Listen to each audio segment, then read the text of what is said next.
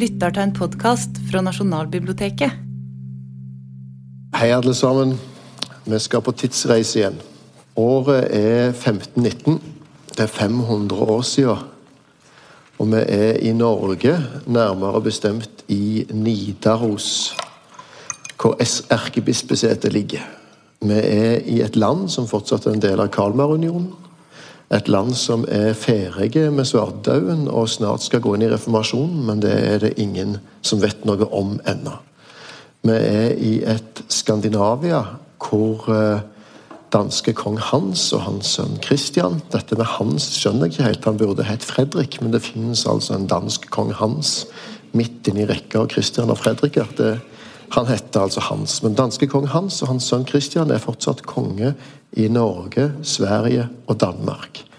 Fortsatt blir kongen valgt som konge, i hvert fall formelt eller utpekt, av riksrådet i alle tre riker.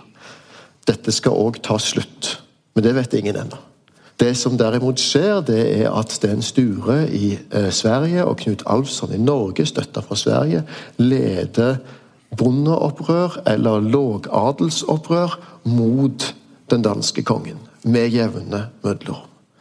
I Norge så er det eh, blir Knut Alfsson drept. Eh, det medfører effektivt at dette opprøret slås ned, men fortsatt er misnøyen stor. Svært stor. Men det finnes ingen organisasjon som kan fremme riksrådet det norske folkets sak, kanskje utenom én.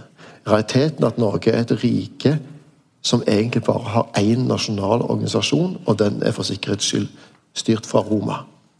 Det er den katolske kirka, eller da på dette tidspunktet ikke den katolske kirka. Den eneste kirka. Eh, kirka og kirkemakta. Og denne kirkemakta, som altså ikke vet at den snart er på vei til å forsvinne fra Norge, bestiller i 1519 det største opplysnings- eller skolerings- eller kunnskaps- eller bokprosjektet i Norge siden Magnus Lagabøtes landslov blir nedskrevet og spredd til alle eh, embetsmenn, alle domsavstigelser, alle ting og storbønder i Norge nesten eh, 300 år før. Og det er Messale og Brevarie Nidorensis. Og De bøkene er da helt nye. Det skal være en ny liturgi. Eh, en samla liturgi. En messale som skal ligge i alle landets kirker. Mer enn 1200 i tallet. Et brevarie, som egentlig er nesten er som ei pocketbok som prester og geistlige skal ha med seg rundt i hele landet. Det trykkes opp og bestilles fra Paris og fra København. Et gigantprosjekt. Det er begynnelsen på den norske bokhistorien. Og uten denne historien så hadde vi da ikke sittet her i dag. Så det ville vært helt andre ting i biblioteket. Ja. Ja. Eh, til å, å, snakke om dette, så har vi da eh, forskningsbibliotekarene Espen Karlsen og Bente Lavoll som er her, og som er flinke folk som kan mye om disse to bøkene. Så Bente, fortell oss hva det er vi ser her. Ja, Her ser vi da de to bøkene. Den ene er en stor bok. Den skal ligge på alteret. Den skal være tydelig og lett å lese, til og med for de som ikke ser så godt. og Det gjorde kanskje ikke prestene heller på den tiden. Og så er det den lille boken som de skal ha når de går rundt og har de åtte daglige eller døgnlige messene. Så kan de ha med seg Hver en prest hadde en sånn i hånden, slår opp og går rundt med den. Og eh, jeg, jeg har vært så heldig å få lov til å holde disse i hånden. og har kjent der hvor Den lille den er god å ha i hånden. Og den store er stor, og den slår seg opp på en veldig flott måte. Hvor tung er den, er den lille? Jeg har liksom veid noen bøker, men den har jeg ikke veid. Men den er liksom som du føler at det er liksom godt å ta den. Mm. Den passer inn. Den er jo veldig tjukk, sånn? Ja, den, er, ganske, sånn som vi ville si på litt over 900 sider. Ja, den er noe sånt. Eh, og den har jo òg blitt eh, tykkere fordi at den er rekonstruert, den vi har. da. Så den har blitt litt tykkere enn den egentlig var. Jeg bare får ta det med en gang. For Av de to bøkene her, 'Missale og Brevarie' Vi skal snakke litt senere om hvor mange som ble trykt, men, men 1200 er et minimumstall som er ganske trygt, i alle fall. Mm. Eh, så har vi tre av Missalen. Det er den store. Vi har tre eksemplarer eh, i vårt bibliotek. Mm. Det er ti i Norge i øyeblikket. Det ligger én for salg i Sverige som ingen mm. har råd til å kjøpe. Men brevarie som er den lille, ja. den har vi én kopi av, og den er i tillegg sammensatt av ulike varianter som er sydd sammen. Er det rett og slett fordi at den ene har vært beskytta og ligget stilt i kirken, men den, andre, den lille har vært på tur og blitt mye mer slitt? Det er jo veldig vanskelig å si noe om sånne ting. da. Men det, selvfølgelig, den har vært en mer en bruksbok. Og, og den eh, Missale var jo lenger i bruk. For når reformasjonen da kom, så var det jo ikke behov for prester som gikk rundt og ba, ba bønner hele døgnet. Eh, men, eh, eller disse åtte, åtte, åtte tidebønnene. Eh, mens eh, Missale kunne man bruke helt frem til 1574. Da kom det en ny messebok. Men i det mellomspranget der, så hadde de ikke noe. Da måtte de jo bruke noe. Så da var det jo praktisk å ha den. Så den har liksom ligget lengre i kirkene. Og kanskje ja, sluppet unna pga. det. Du har jo bladd i Ja. disse bøkene, det er det veldig få mennesker for å, å få lov til. Og har en følelse av helheten. Altså, hvis man blar gjennom Missale, den store boka, Mm. eh, hva er det man ser da? Altså, hvordan, kan du beskrive det for meg? Ja, eh, det første, det er måten å åpne en sånn stor bok på, det er jo å holde den opp og så åpne den, la den falle opp. Så det er en sånn, eh, og det er en veldig fin ting å gjøre. Men da, eh, en ser jo mange sider med, med skrift. Der er ikke, der er, I breviariet er det veldig mye bilder, men det er det ikke i Missale. Der er, der er jo våpenskjoldet, så dere ser her, det store våpenskjoldet til Erik Valkendorf. Det er jo fantastisk flott. Og Hvis en da skulle åpne fra begynnelsen, så ville en jo se våpenskjoldet til Valkendorf. Valkendorf var jo en dansk adelsmann, og han må jo ha vært veldig begavet. Han studerte i Greifswald. Det sier noe om han at han var både en kirkefyrste og en verdslig fyrste. Han var en ridder, han var en adelsmann. Og så ser vi òg mitraen oppå der. ikke sant? Pavemitraen, eller erkebiskop-mitraen. Og så ser en posisjonskorset, og vi ser bispestaven. Og Erik Valkendorf, som vi snakker om her, er da en dansk adelsmann som òg er den nest siste erkebiskopen i Nidaros. Og det er han som bestiller bøkene. Og det er derfor dette òg står på tittelbladet. Mm. og hans etterfølger er Olaf Engelbrektsson, som er den siste erkebiskopen, og som til slutt må flykte fra landet. Eh, men det må jeg si at det gjør òg Erik Valkendorf. Ja, han må, han må jo flykte, eller han, eh, han ble jo uvenner med Kristian 2. Og han ble jo òg uvenner med Sigbrit, moren til Dyveke. Så er denne, her, denne famøse historien. For Valkendorf er en av de som samarbeider med å få samlet inn medgiften til Elisabeth. Så Kristian skal gifte seg med. Sant? Og vil, da vil jo ikke hun at, at eh, skal sitte, Dyveke skal sitte der og være kongens kjæreste. Det er jo ikke noe særlig, det vil hun ikke. Og Sigbrit vil iallfall ikke det. De vekes mor. Ikke sant? Så Valkendorf klarer jo å legge seg skikkelig ut med denne mektige Sigbrit. Det er jo en helt, helt fantastisk historie. altså. Det er jo også det at uh, Valkendorf er jo kanskje ikke den mannen Kristian 2. tror han er. Han tror jo her, han har jo satt inn sin mann. Han har trosset uh, de norske kirkelige og satt inn sin mann.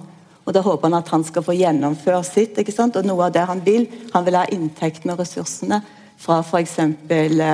Eh, fra fiskeriene. Mm. Hvor skummelt var det å bli uvenner med Kristian 2.? Jeg tror ikke det var så kjekt, da. For det gikk jo ikke så godt da, i dette tilfellet. Det gjorde jo ikke det. Ikke han. Nei, for dette er da eh, For Valkendorf har formelt sett erkebispetittelen til sin død i 1522. 22, 22 ja, har han vært 22. i Roma, som han har stukket av til. Men han blir da uvenner med Kristian 2. etter at Kristian 2. har satt i gang det stockholmske blodbad for å slå ned oppstanden i Sverige. Så Kristian 2. er jo en helt vill figur her.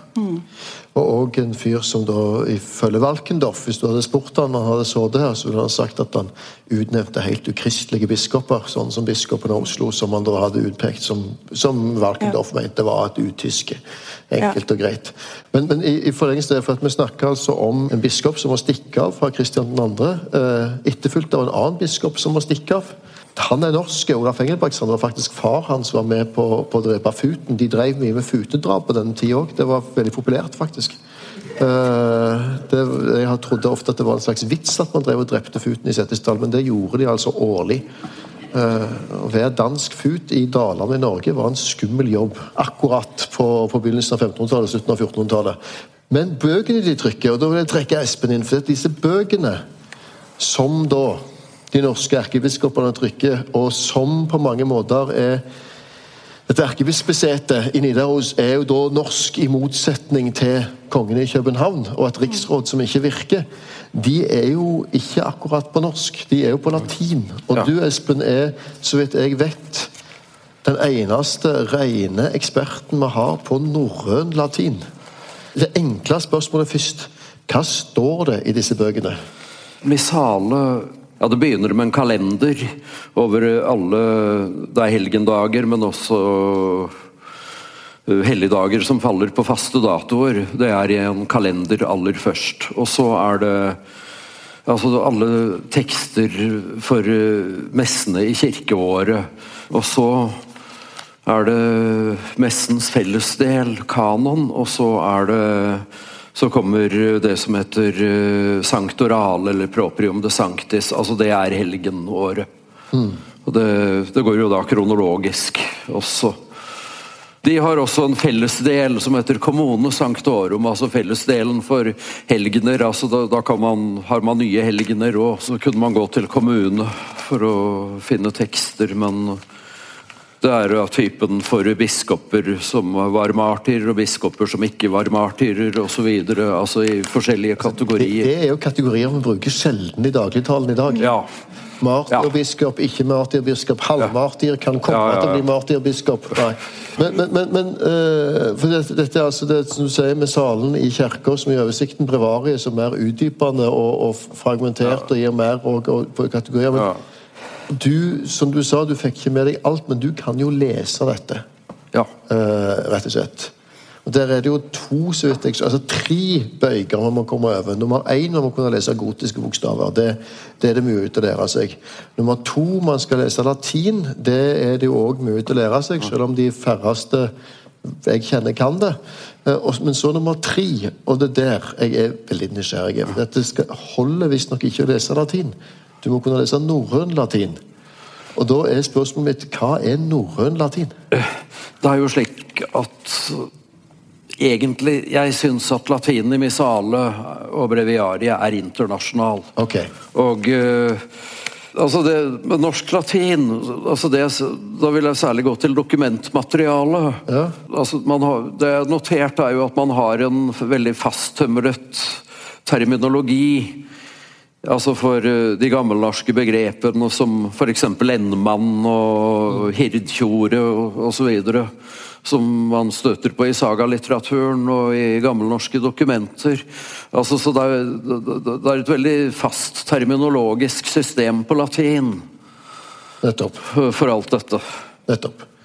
Og Da er spørsmålet mitt til Bente og deg, men Bente først. altså Hvorfor er det da, for Midt oppi all denne latinen så er det to sider på norsk, og det er fastedagene. Hvorfor i alle dager, Bente, er det det? Ja. Det er, jo, de er jo tatt med fra Det er jo et innlegg som er tatt vel fra er det Jon Raudes, eh, biskop Jon Raude på 1200-tallet. Ja.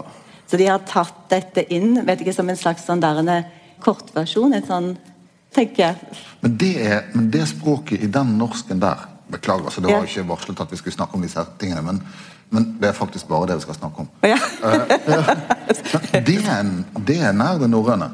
Eh, Ivar Berg, som har skrevet om Ja. det, han mener vel egentlig at det er ganske standard norrønt fra annen halvdel av 1200-tallet. Altså Det er egentlig en mye eldre språkform enn uh... Som bekrefter teorien om avskrift. Men altså, de har henta inn fastedagene fra en tekst som på dette tidspunktet er 300 år gammel. Så du har da en relativt moderne latin ifølge Espen i disse bøkene, mens du har en anakronistisk norrøn i den norske. Men det er trygt, og det gjør at det første trykte. Ja. Men vi må anta, for dette er jo et tidspunkt hvor norrønt er i ferd med å dø som språk, altså som talespråk. Det er norrøn er blitt latin, i betydning at det er et skriftspråk man bruker i jussen i Norge, men, men som man færre og færre skjønner noe av uh, på det tidspunktet her. Og den, men den teksten som oppfattes som den første trykte norske tekst, er ifølge det som Espen sier nå, faktisk allerede 300 år gammel og ute av bruk når den trykkes. For den- den som da, det språket som er bærer av det nye her, er latinen. Ja. Og nå skal vi snart få komme inn i boka òg, men før vi går inn i boka, så skal jeg tenkte at vi skulle ta det det er altså ryggen. Og vi er nå i ei tid hvor ei bok ikke er ei bok sånn som vi kjenner den da. Det er ei trykte bok, men de har bare trykt sidene. Eh, bindet kommer til senere. Bøker blir bonden, blir levert uten bind. Og så bindes de inn på stedet, eller i et bokbinderi. I klostrene bandt de det inn sjøl. Kongene hadde egne bokbinderier. I byene fantes det bokbinderier. Innbindinger her har sin egen tekst. Hva er det, Espen? Jo, nå har eh, konserveringen vært så vennlig å åpne opp, så jeg kunne se hva det var. Og det er, eh, altså det er eh, et pergamentfragment som er hentet fra en messebok fra 1100-tallet. Åpenbart fra Tyskland. Altså det er tysk musikknotasjon og Det de har gjort, er at de har eh, vunnet inn boka med ei gammel bok. Ja. Mm. Er det den de ikke hadde bruk for lenger? Ja, da, da, hadde man fått en ny, fin trykt en, og da kunne man kvitte seg med den gamle. Helt bak i permen, og der er det, syns det så lite, og der er det også noen mindre lapper fra en bok som må være fra 800- eller 900-tallet, faktisk. Bente, du er jo da ekspert på det visuelle her. Sånn, og sånn, Det er noe med men det er litt sånn overraskende at her har man Og det er jo et interessant spørsmål i seg sjøl. Eh, hvorfor er det så viktig å gjøre alle gudstjenester like? Hvorfor må du egentlig det?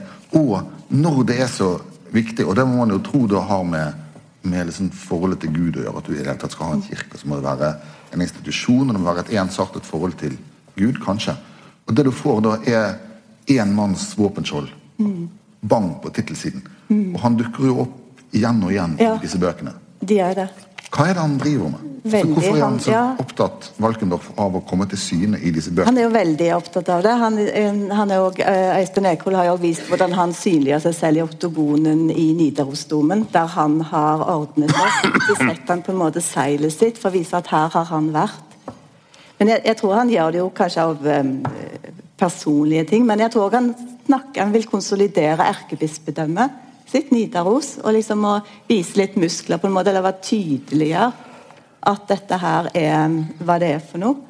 Og det gjør han jo med et sånt, eh, et sånt våpenskjold. Så dette er jo nesten en slags logo. ikke sant? Du setter merket ditt der og gjør det kjent, og alle kan se det. Parallelt hvis vi går litt frem i tid, så ser vi jo reformasjonsbiblene, hvordan da kongene smeller opp protettet sitt, våpenskjoldet sitt. Mm. Og, og det, så det er ikke, De følger godt etter etterpå, så han er jo ikke alene om å gjøre denne synliggjøringen. og på alterskap eller kirkeinventar, så ser han det jo overalt. Så det var ganske utbredt. Så hvis det var dødssynd, så var det jo mange som lå dårlig an. tenker jeg. Sånn. Ja. Og så, så, er det òg det, eh, Erling, jeg vet ikke om dette stemmer, men dette er, jo, dette er de første bøkene som trykkes for Norge i det hele tatt. Altså dette, dette, er rett og slett den fysiske starten på den trykte bokhistorien. Og Hvis du ser bokhistorien før det, altså manuskriptene eller det, det som de oppfatter som bøker, så var jo alle de eh, ofte signerte, i betydning at bindet Innbindinger ville signalisere hvem som eide det, hvem sin bok det var, hva bibliotek det tilhørte, hvem, altså rang, orden osv. Vi ser det i Atlas og dine nede i kartsenteret. At de kommer i en form hvor, hvor kongen binder det inn sjøl og signaliserer dette rundt det. Mm. Så de har jo ikke veldig mange generasjoners erfaring med trykkpressa, og at dette er masseproduksjon. Så det at man setter seilet sitt på boka, er jo egentlig det man alltid har gjort. Forskjellen at det kommer jækla mange eksemplarer av denne boka. Ja, ikke sant? Så det blir veldig eh, tydelig. Sånn at det er ikke ett og ett. Nei. Og bare for å ta over til det, det, det må vi få klarlagt. Hva vet vi om opplaget for disse bøkene? Ja, ja det vi har jo vi vet, Det vi vet om det, er på en måte sånn estimater. Mm. For en har jo ikke noen kontrakter over hvor mange det er. Så de har regnet ut eh, hvor mange Dette skulle jo være i alle kirkene mm. i erkebispedømmet. Og, og, det var ganske stort hvis vi regner med liksom, Fastlands-Norge, og så inkluderer Boruslen og Herjedalen. Mm. Og så har vi Island som må legges til, og Færøyene. Så blir dette her sånn ca. 1500 kirker. Og så må vi tenke at eh, om breviariet I noen kirker var det jo mer enn en press, og der trengte de kanskje flere. Mm. Så da kan en liksom kanskje tenke 1800. Og dette er jo veldig store tall. Men samtidig så, så er det jo òg den boken som ikke blir trykt, en personale til mer privat bruk. Ja. Eh, den har vi en kontrakt på. Ja. Det er det vi har. Og da bestiller de 1200 eksemplarer. Sånn så Her er det òg store tall, og det er jo Valkendorf som bestiller dette i 1520. Så dette må kirkene bestille og betale sjøl? Ja, de betaler de. Og- Eller, nei, de betaler, eller prestene må jo på en måte kjøpe ja, det. Og de lokker jo med avlat. Ja, sant, for Ja. Det er jo noe helt annet enn å få Dagbladet med når du kjøper bok i butikken. Sant? Ja. At du får Du får liksom, ja, du får ikke et sånn nett, du får avlat. Men, men, men det betyr at vi tror at det er minimum 1200, mest sannsynlig 1500-1800 minimum. Eh, Men så er det en, akkurat det dere sier nå, gjør at det kanskje skurrer litt. For hvis det er erkebiskopen som bestiller det inn, og, og så skal han selge det ut til hvert enkelt kirke eller prest, så, så vet vel han som alle andre at det er ikke sikkert at alle har råd eller kommer til å gjøre det. Kommer altså Enhver forlegger vil jo da vurdere hvor mye lager du villig til å sitte inne med Ja. for det. tar. Men, men hva, hva vil du tro, Espen? Hvor, hvor mange? Altså, det er jo litt problematisk, for vi vet jo ikke riktig Jan Brendalsmo gjorde et estimat på 1350 kirker i middelalderens Norge. Det er i og for seg sånne som er dokumenterte. Det blir stadig oppdaget eller dokumentert flere kirker. Så vi vet ikke riktig. Det dristigste anslaget er 2500. Så en plass, Vi befinner oss altså en plass mellom minimum 1200, antageligvis 1500, og 2500. Hvis du er en norsk forlegger i dag, skal gi ut en skjønnlitterær roman eller en sakprosabok av middels størrelse, så vil du trykke 2000 eksemplarer. Det er et stort opplag. 2000 er et opplag på en bok du vet kommer til å selge. Flertallet av bøker som gis ut i Norge i dag, selger langt mindre enn 1000 eksemplarer. Store flertall av utgivelser selger langt mindre enn 1000 eksemplarer.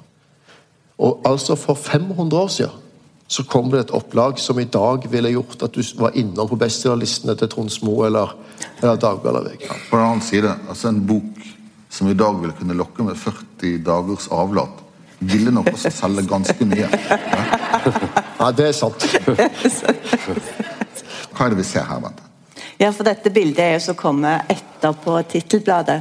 Når du åpner boken, og så er det på den siden. Så det ligger liksom rygg i rygg med tittelbladet.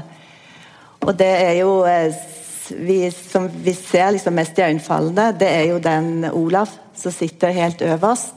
Men han har en øks, og han har en globe i hånden. Og han sitter med krone. Han er en kongehelgen, og glorien i en stol. Og så står det jo at han er Olaf, Norges konge. Eh, og så Det pussige er jo denne her skapningen som ligger under føttene hans. Dette her ser jo ut som en uh, Firfisler med krone over ansikt. Ja, med, eh, ja, det er det det ser ut som. Ja, det, det, det er det det ser ut som. Eller en eh, noen, noen har sagt det ser ut som en krokodille. Dette er jo sånn som er morsomt å spørre når en reiser rundt. Da. Hva, hva ser dette ut som? Eh, Men eh, Så da er det jo forskjellige teorier på hva dette her er for noe. Og det, jo, og det kan vi jo tenke at eh, Vi vet jo ikke noe om det, men dette her nå, det baserer seg på legender som var utbredt i tiden, som mange kunne. Iallfall kanskje prestene. Så, visste, så når de så dette her, så tenkte de at vi kunne tenke ja, kanskje det er på en måte Olav før han ble kristen. da? Den hedenske utgaven. Han ser jo ung ut. Men så er det andre liksom litt mer morsomme varianter. da, Så knytter det til Olav sin kappseilas med broren Harald. Og Harald var hedensk. Og, han, og da er jo denne her firfislen, eller salamanderen, eller hva man skal kalle det, dette er da den hedenske Harald. Og det er etter at eh, de har kappseilt, og da har eh, Det er jo på en søndag, så Olaf går jo selvfølgelig til messe, mens Harald han, han, han tjuvstarter og begynner med en gang å seile oppover. Men Olav har jo Gud på sin side, og det er jo veldig viktig å ha Gud på sin side. Så da utruster han eh, Gud Olav med evnen til å seile over land. Så han da seiler liksom rett opp fra Danmark, over fjellene. Og det er jo, et av sangene er jo da at han da blir Ny-Hellesund lagd. For da seiler jo båten bare gjennom alt fjell. Og det er mange steder som de har seilt opp på denne turen. Og han kommer jo tre dager før broren. Og han vinner Norges krone. Altså på, på vegne av, av Harald, hvis dette er Harald Hardråde, så vil jeg protestere av hardnakka på at dette er ren historieforfalskning. Oh, ja! Bare bløff. Han, han var aldri noen firfisler. Og han, Han ville aldri blitt det. Men en annen, en annen variant, og den er jo også fantastisk, den er fra Legenda Urea, den tyske trykte eller hansatiske versjonen. Det er at, um, at det er også denne samme Harald. ikke sant? Det er han som er skurken her. Men denne gangen er han ikke en drage. Han, eh, han da tar Olaf til fange. Og han eh, korsfester han. Og det er til og med bilder i Andenes kirke av Olav som henger på korset som Kristus. Han henger på korset i tre dager. Han blir tatt ned og kastet på et bål, ikke for han skal brenne. Og så, eh, så ligger han der. Men han kommer ut igjen. Men sammen med han så kommer der en drage. Så da dreper Harald og alle de andre. Så dette er da den gode dragen. altså, her- vil jeg bare si at dette, dette er helt ukjent for meg. Jeg har, Men det er jo veldig flott, da. Flott. Det er lenge etter at disse kongene var døde, så drev de på og fant på ting. Ja.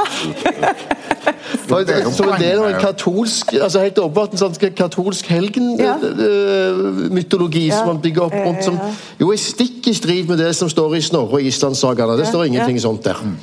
Men det er sånn, det er sånn livet er. Ja. Men la, la oss gå videre. at eh, altså Bokverk handler jo om ulike ting. Det ene er at de har trykt boka som metoden de gjør det på, som gjør benyttet for masseproduksjon. Uh, og så er det utseendet og det visuelle, som vi ser her. Og så, og så er det tekstens innhold. Vi må jo anta, eller jeg tenkt rent sånn logisk, at når du da lager dette gigantprosjektet Og dette skjer jo og Derfor jeg nevner reformasjonen i innledningen òg. Dette skjer jo bare tiår før boktrykkerkunsten river den katolske kirka av eh, makta i Norge, kongeriket Danmark-Norge og deler av Nord-Europa. ikke sant? Og hvor, hvor les Bibelen sjøl, les teksten sjøl, trykker flygeblader i store mengder, muliggjør eh, protestantismen, reformasjonen. Eh, og her er det da eh, den katolske kirka som masseproduserer en liturgi. Eh, og, det, og det bringer meg til innholdet. altså Man vil jo tenke at man også standardiserer en liturgi, at man bruker dette på en eller annen måte. Sånn, at sånn skal kirka være, sånn gjør vi det. Tar grep på en eller annen måte. Og, da er spørsmålet innholdet i teksten, Espen. altså Hvordan står liturgien i Missale og breviariet i forhold til den som var før? Ja, altså Grunnleggende for liturgien i Nidaros var den store Nidaros-ordoen fra tidlig 1200-tall. Og den, å si, den, den gir retningslinjer for både missale og breviariet. Og, øh, men det, det gir jo ikke hele tekster. Det, det, jo, det gir jo begynnelsesordene, så man visste hvilke tekster som gikk inn. Rett og slett. Så du, du, Der får man både messens og tidebønnenes liturgi. Og Vi bare definerer ordoen her. Eh, altså ordo ja, Retningslinje, egentlig. Den, det er jo en veldig stor og omfattende bok i den trykte utgaven. Da. Det er noen hundre sider. Så Og eh, det er klart at det, altså disse to bøkene eh, er, er ikke nøyaktig Følger ikke ordoen nøyaktig hele veien. Altså det, er, det, er, det er gått 300 år. Så man har, har nok hatt en viss utvikling. Den er vel ikke sånn skikkelig undersøkt i detalj.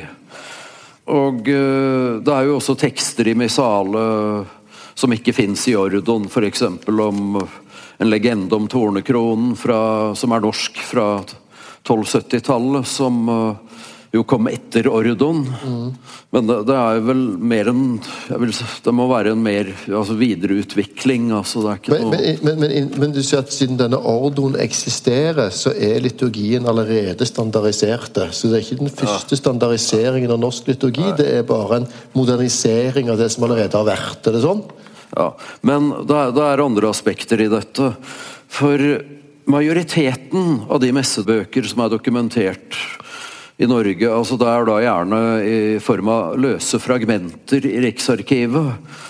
Det er sikkert et par hundre missaler, eller kanskje vel så det. Altså, det vil ta litt tid å Jeg tror jeg kom til 167 en gang, men nå tror jeg det er identifisert flere. Og majoriteten av dem havner på 1100-tallet. Men så har man jo også noen ut på 1200-tallet, så fins det uh, missalefragmenter som følger ordo. Altså allerede veldig tidlig. Og det fins en del bøker fra Oslo og Bergen bispedømmer som Lille Gjerløw publiserte om, da, som var rett og slett tidlige messebøker. Altså, også paleografisk skrevet i Norge. Mm. Ellers er det jo veldig mange andre lag. altså Det er jo noe Det er jo ting fra tusentallet. Det betyr at vi har en liturgi som eksisterer. Denne her, det, i, missalen er det justeringer, men det er trykkekunsten og det å spre den, og den effektiviseringa som ligger i det, at de blir like. Det, hvis jeg forstår deg riktig, Espen, så kan det godt ha funnes eller mest sannsynlig ha funnes 1200-1500 missaler i norske kirker før missalen kom, for alle har hatt en messebok. Men de har ikke vært identiske. Selv om liturgien er noenlunde lik, så er det manuskripter, håndskrifter, variasjoner, aldersforskjeller osv. Nå blir det likt. Nå får alt likt. Alle får nytt på en gang. Ny lærebok. Den kommer her. Her er tegn i tiden to. Uh, vær så god. På innledningen sier ja, det står så dårlig til, og vi har ingen bøker, og de er så gamle og elendige og utdaterte alle sammen. Men det Det er uh, retorisk. Altså, Vi vet jo ikke riktig hvor mange bøker hver kirke har hatt. Altså forske, Forskrifter fra England på slutten av 1200-tallet, og Norge var veldig ofte likt på England. Det regnet med kanskje åtte-ti bøker, og noen hadde mer, andre færre. og så kan man jo se på de islandske måldagene, altså inventarlistene fra tidlig 1300-tall, og da ender man jo gjerne opp. Men jeg skrev vel en gang i en bok som et Latin manuscript som Medieval Norway at jeg regnet vel med at kirkene i hvert fall eide en 14 000-15 000 bøker. Altså håndskrevne. Ikke, mm. da, da regnet jeg ikke med trykkene. Altså det, det, det, er et forslag med visse reservasjoner, men uh, mm. det er et Ja. Så, så Det fins bøker i store mengder, men dette er åpenbart en standardisering og en tiendedel av hvis Espen har rett da, mellom en tiendedel og en åttendedel av den samla bokmengden som fantes før dette tidspunktet, i ett trykk. Og Det er bare én av de, og så kan du doble det og si at ja, til sammen så er vi oppe på 25 eh, prosent ca av det som har funnes bøker før i dette trykket som Valkendorf gjør. Men så sa du nå, Bente, så du må forklare. For du sa at Missaleboka var i bruk til om lag 1570. Jeg har lært at mellom 1519 og 1570 har det vært reformasjon. Og, og da ja. har de skifta både språk og trosbekjennelse og veldig mye annet. Så hvordan kan de ha den samme messeboka? De, de brukte den, det er, jo, det er på en måte ikke alltid et sånt rent brudd med reformasjonen. Reformasjonen var jo mye en politisk hendelse og en administrativ hendelse. eller at Noen sier jo til og med at det var et slags kupp. da, mm. At Danmark på en måte tok Norge og overfalt Norge for å få ut ressurser. Men, eh, Så det var en slags kontinuitet. Og, de, og i messene, prestene var jo der. ikke sant? Det var jo de samme gamle prestene. De ble jo omskolert til en viss grad og etter hvert, men de brukte jo de bøkene de alltid hadde brukt. Mm. Og alterskapene hang i de fleste kirkene. og Mye av praksisen var jo den samme. Så det var på en måte ikke noe reformasjon, og så, måte, så var alt annerledes, og alt var nytt. Så det var praktisk. Var, du sier at eh, reformasjonen sånn som jeg har lært om er egentlig en politisk hendelse, og religiøst sett så fortsetter det i stor grad som før. De kan ha messer på latin fortsatt, de leser fra de samme osv. Men tid, hvorfor går han da ut av bruk i 1570? Eller 1574? Eh, messer på latin ble feiret i Norge i hvert fall til 1699, faktisk. Mm. Altså, du kan si før prekenen. Jeg, jeg vet jo ikke riktig hvilke bøker de brukte. Men, men altså, det var mye mer latin lenger. Altså, det er ikke slik at så kom reformasjonen, og så vips, så var uh, men Var det ikke perioder her hvor det var forbudt å bruke latin? altså offisielt sett? Nei. Aldri? Det, det, var det ikke. Så mytologi det er, det er mytologi. Det er bare er mytologi, det er tull? Eh, Helge Fehn skriver at man, det var i hvert fall til 1680-tallet, og helst til 1699. Autorisert bruk av latin i norske kirker i messe. Ja. Og Kan da teoretisk sett missalen ha vært i bruk i Setesdalen fortsatt i, fram til da? uh, ja, teoretisk i hvert fall. Så, de, altså, de ble jo liggende i kirkene. Og... Altså, i, I Røldal var de katolikker til godt ut på 1800-tallet. Ja. Setesdal er litt mer kommunikasjon. Ja, det er litt mer kontakt med omverdenen. Om Setesdal så sier de at du blir ikke kristne før du fikk telefon. Nei. Nei. Så de kan ha hoppet over alt dette. Ja. Men, men, det som, men, men en ting er jo da at man kan strekke kontinuiteten i dette frem til langt ut på 1600-tallet, slutten av 1600-tallet. Men, men, noe av det slående her er jo også at liksom, bruken av trykkekunst, normeringen av troslivet og sånn stadfestelsen av makten som ligger i boken, trekker også det som for oss vil ligne på reformasjonstrekk lenger tilbake i tid også. Sant? Med den insisteringen på at dette, her kommer ja. litt, nå blir det ordnings. Mm. Altså, I hvilken grad er dette en, en bestrebelse på å reformere liturgien? Og hvor spesiell er den norske liturgien i en videre europeisk sammenheng? Altså det man kan si er at det er, det er vel aller mest er det, Som jeg oppfatter det, da, så er det et forsøk mer på å standardisere liturgien. Altså det er klart at uh, trykkeren skriver forordet til Missale. Han har jo rett i det at det er veldig mange gamle bøker. At det er så få bøker, er kanskje ikke riktig.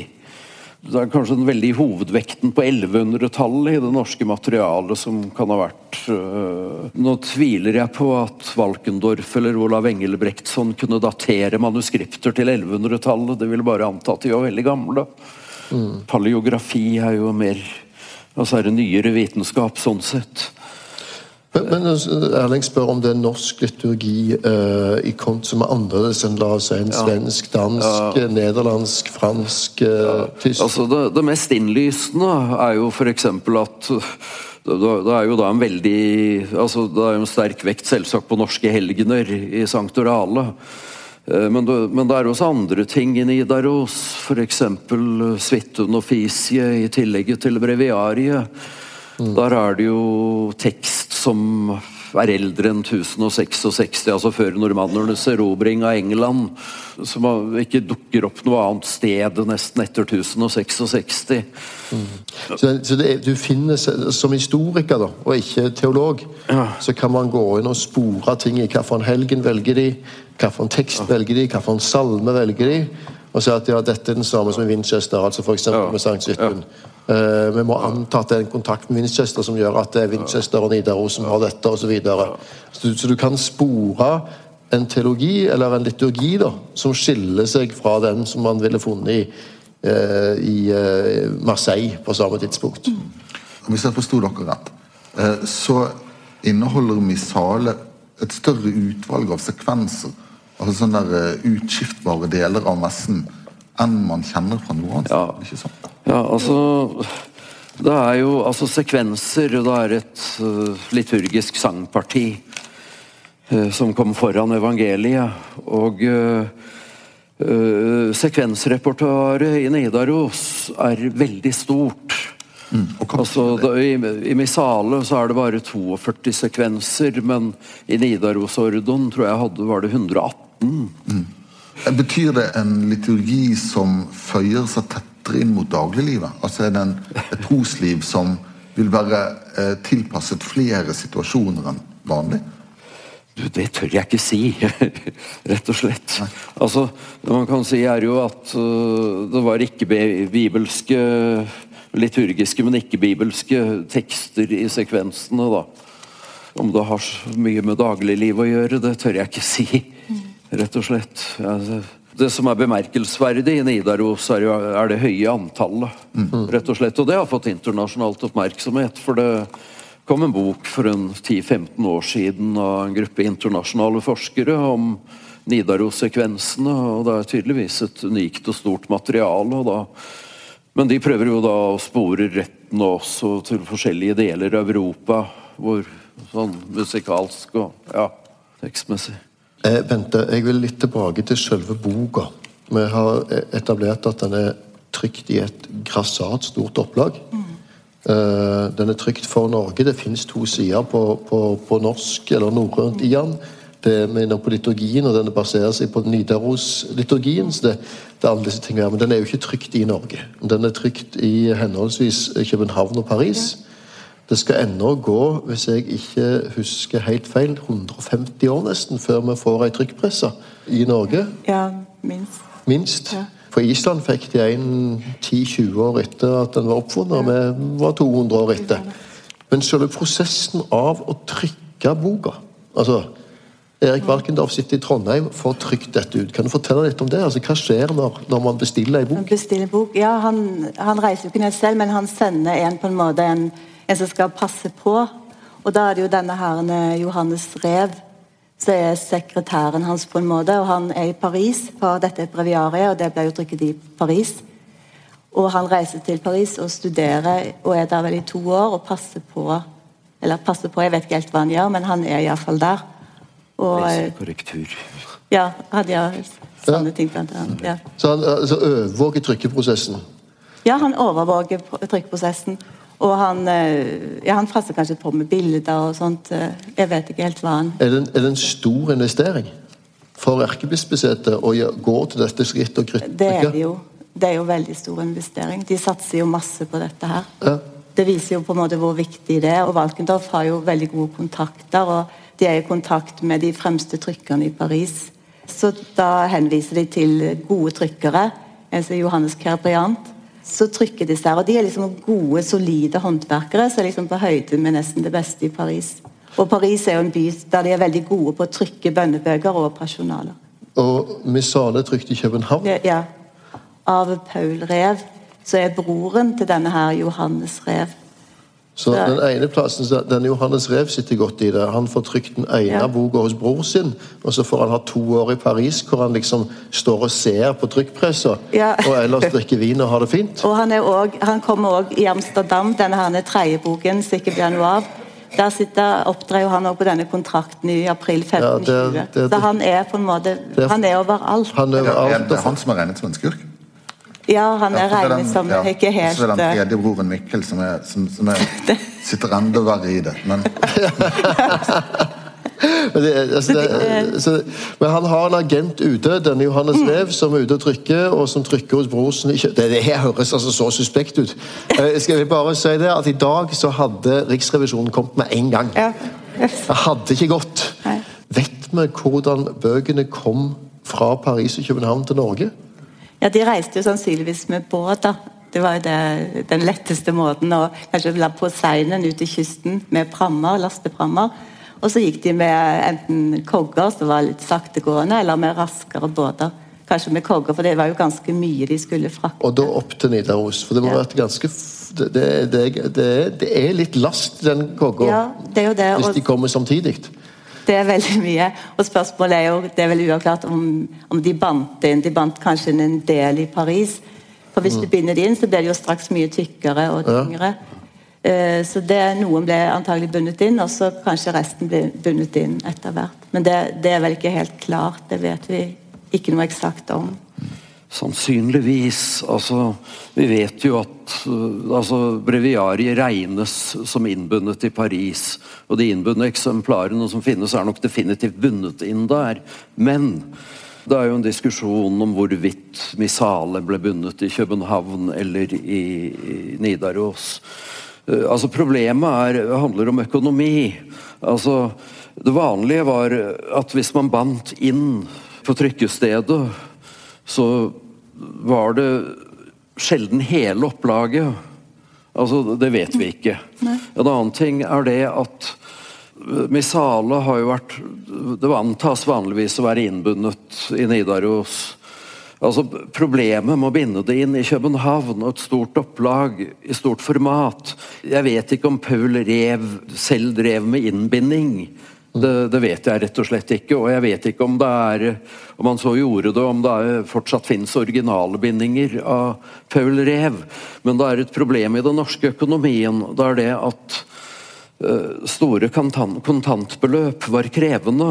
Altså Det var mye enklere for erkebiskopen å gjøre dette innenfor eh, håper å si, nærmest sin egen husholdning, eller et slags bytte av tjenester i Nidaros. Altså, og det er jo funnet bokbinderutstyr ved Erkebispegården. Det, det, det du sier nå, er at rett og slett, vi er på et tidspunkt i historien hvor du bestiller og lover å kjøpe bok. Den må du betale cash, eh, for den må skje i København. Du har ikke en trykkpresse. Og det å skaffe kontanter til å òg binde inn når du òg har en bestilling i Paris, selv om du er erkebiskop i Norges aller mektigste organisasjon og verdens historisk sett sterkeste organisasjon på, på det tidspunktet, så kan det rett og slett være at det er, det, da var det bedre å få det opp og binde det inn hos deg og betale med korn og kyr og smør og, og bytte, enn å prøve å oppdrive cash. Ja. Ja, for da kan en òg tenke at de som skulle overta bøkene i kirkene, kanskje ville ta Kunne gjøre det de og få av. Og, og gjøre det samme som vi ser på Missale her, nemlig å ta den gamle Missalen og si at vi er ferdige, da kan vi sy den fint rundt, og så, så har vi noe å binde inn med. For Paul Rev kan vel ikke ha bundet inn med Missalen fra hvis bøkene er innbundet med gamle misader, altså gamle Ja, bøker fra ja, kirkene, så har enten han Paul Rev kjøpt opp en helsikes masse gamle Ja. messebøker, eller så er det mer sannsynlig at det har skjedd lokalt på stedet. da. ja, jeg tror det. Ja. Uh, altså, det, det vanlige var faktisk at bøker ble levert i materie. Eh, men uh, ja. Se her, her har dere ei side. Sånn ser misalet ut. Men det er en veldig rar side. Ja, det mangler jo en bokstav, og det mangler en bokstav i teksten òg. For der, er, der står det en E helt øverst. Det mangler en T. Det skal stå T, iketur osv. Så, videre. så det mangler helt opplagt en T. Og når jeg så der, så er det et tomrom. Så jeg tenker jo liksom her her kunne de jo bare trykket en T, og det har de gjort i Lund Missale. Så har de trykket en fin T. Men den er jo, T-en er jo på Ja, Ja, ikke sant? Det det, man, det, det liksom en ser. Dette her er jo et typisk T-kors. Det har jo Det er bare Det ser ut som en T. Og så En kan jo tenke seg at dette binder sidene sammen. ikke sant? Det som mangler, står på siden ved siden av. Men da er det rart at de har latt den ruten stå Ja, åpen. det er veldig rart. Og dette det tomrommet er jo større enn de andre missalene. Sånn som ja, eh, i København og Lund og Åbo. Så det er, det er veldig rart at de har lagd så stort. Eller tenker de at det er på en måte en slags overgang mellom den trykte boken og den håndskrevne boken? At det er um, Du skal fylle inn sjøl. ja, Eh, Det er nok en typografisk effekt. Altså det, det, det, I mange altså i mange tidlige trykk så har man jo faktisk satt av plass til å fylle i initialer. Det er ikke gjort i noen eksemplarer av Missale, og, og alt er trygt. Altså alle initialer er trygt. Men altså dette har jo Rev Det krusifikset der har han overtatt fra Matteus Brandis, som trykte uh, København Missale i Ja, samme. 1510. Det er, det er brukt tidligere, men, men dette er nok mer en typografisk effekt. Det er ikke ment å fylle i en initial manuelt der. Men det er morsomt, vi ser jo eksempler på at folk har prøvd å fylle de ut selv. da. Og det er jo veldig fristende, mer eller mindre vellykkede bokstaver som er satt inn. For det er jo sånn at en føler det, det er jo et tomrom der. Og hvorfor har de satt av så stor plass? Men det finnes et annet tomrom her hvor dette er sjølinnfyllingsbok. For jeg tror vi har notelinjer Ja. her òg, har vi ikke det? Fordi at dette er jo ei bruksbok. Hvor en skal òg, altså i løpet av ei messe, så, så skal det synges og spilles. Og da er det jo ikke bare tekst, da er det òg musikk. For det var det at eh, Paul Rev hadde ikke, han kunne ikke trykke notasjon eller noter. Så disse her måtte jo fylles ut for hånd. Og noe har de gjort, og noe har de ikke gjort. Og de missalene, Jeg har prøvd å sette på en del av missalene, for det ligger også digitalisert på, i København. Den kan se på ganske mange, og noen har ikke noe i det hele tatt. Mens andre har det er mer eller mindre hva de har fylt inn. Så det, Så er det noe som er veldig, veldig stramt og flott. da. Ja, det er veldig flott. Her er flott. ikke mye selvutfylling. Nei, her er alt fylt ut fra før. Så det er, og det er sånn typisk sånn en ser i bønnebøker som er trykket i Paris. Så ser en disse rammene rundt. Og, hvis der er, og det er jo en veldig flott fortelling. Ja. dette viser jo, syns jeg, veldig tydelig at disse bøkene fortsatt er en tid i boktrykkerkunsten hvor man òg skuer bakover. Altså ser mot de håndskrevne kodeksene og kirkebøkene hvor du har illuminasjoner, hvor det er en kunstner som uttrykker seg på ei trykkeplate. Og gjør den der borden der. De, de fant fort ut at det skulle de slutte med. Ja, det var, ja. Men, eh, men eh, Erling, vi nærmer oss eh, Vi er egentlig på overtid. Ja. Eh, Men så, vi må bare høre, vi må spørre Bente som har reist med disse bøkene. Ja. Sånn, for at Hun snakket om at de kanskje reiste i kogger. Ja. Hvis de hadde god tid. Og Ja. i dag er de i kofferter. Vi reiser i kofferter som er klimaregulert. Det er masse sånn emballasje inni de, så de ligger veldig støtt. Og det er hengelåser på koffertene, og vi er alltid to, og vi ser på de hele tiden. Men jeg bare sier Og så har du sånn håndjern som eh, lenker det fast, men- ikke sant? Ja, nei, det nektet vi. Ja, Ja, det, Men jeg vil bare si at noe av det jeg syns er fint med å reise med bøkene, det er at eh, vi reiser med de eksemplarene vi har, som vi har i våre magasiner. Men egentlig så tenker jeg at bøkene kommer litt hjem. For det er jo på en måte, de har jo vært i alle disse kirkene rundt omkring. Jeg var i Bergen og snakket for eh, femte- og sjetteklassinger. Og det var Jesu Kristi, Kristi Krybbe skole rett ved siden av Mariakirken. Så de tok liksom den at det, her i den kirken, rett ved siden av deg, liksom for, rett ved siden av alle i Ørsta, der vi har vært, i Sarpsborg, i Stavanger og i Hamar, så har de hatt disse bøkene. Så de hører på en måte til der òg, selv om de ikke er der nå. Espen, eh, spørsmålet mitt til deg. eh, Bente har reist med bøkene. Bøkene reiste i sin tid og var ute i kirkene. Vi må jo anta at de eh, 1200 eller 1500 prestene som skulle holde messer, forsto latin sånn noenlunde. Selv om det er ikke noen garanti for det heller, hvis, jeg, eh, hvis det var en kontinuitet fra 1200-1300-tallet. Men hvem var det som beherskte latin i Norge i 1519? Altså, det var, var nok mange som Eller mange og mange. Altså, det, men det er nok flere enn vi tror. Altså, vi vet jo at f.eks. når italieneren Querini led skjebrudd i Lofoten, så kunne han snakke på latin med den lokale presten. Altså, det var den måten de kunne kommunisere på. og altså Utenriks, altså i kontakt med utlandet, så var latin en selvfølge. Det er jo, altså Til og med kontakt med Russland foregikk på latin i norsk middelalder. Så det betyr at prestene snakket latin, sånn noenlunde. Diplomater, handelsfolk. Ja, De norske kongene, det er noen av flere av dem. Vi vet holdt taler på latin. Håkon 5. Magnusson, f.eks. Ja, Men når vi er i 1519, tror du at Kristian og Hans kunne snakke noe latin? Var det ikke Kristian den første? Var det ikke Jeg tror det var eh, Ved pavestolen så sa de at han at han var et vakkert dyr. Det var bare så synd han ikke kunne snakke. Nettopp. Nettopp.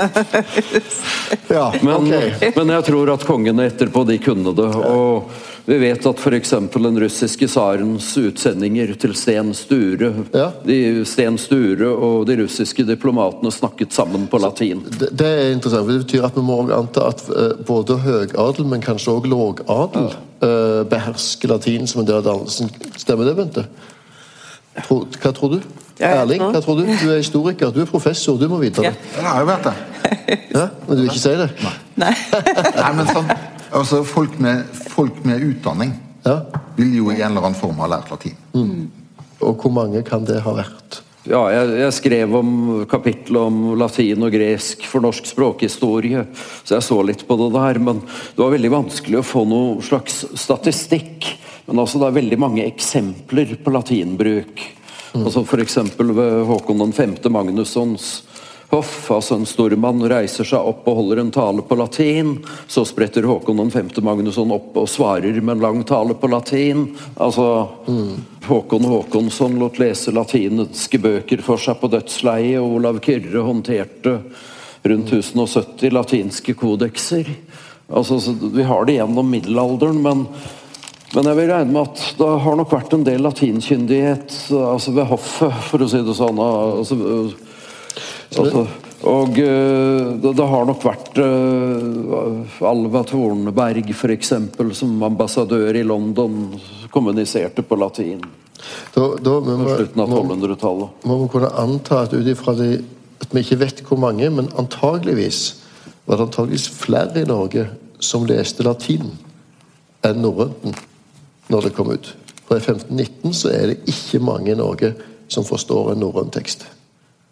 Det siste spørsmålet før vi skal gi oss. Dette er de to første bøkene på norsk. Vet vi når den tredje og den fjerde kom, den trykte bok i Norge? Hvor lang tid tar det før de gjør det igjen? Ja, det er den som ble trykket i Kristian 1643. Ja. Og da er det en danske som kommer og trykker. Og det er ganske interessant. Altså Vi snakker om altså 1519, disse to kommer, og så snakker vi om 120 år før treen og firen kommer. Og enda flere år før den første trykkpressa kommer faktisk til Norge. Så det er eh, Disse to bøkene er unike på veldig mange måter. Og som at de står helt alene i starten av norsk bokhistorie. Som i dag har, i år har 500-årsjubileum. Skal vi si at det var nok? Jeg sier at det var nok. Det er mange ting å si til det, men nok er nok. Bente og Espen, tusen takk for at dere kom. Tusen takk til publikum. Jeg anbefaler alle å gå og se utstillinga etterpå hvis de ikke har gjort det. Og hvis de har gjort det en gang, gå og se en gang til. Tusen takk for oss.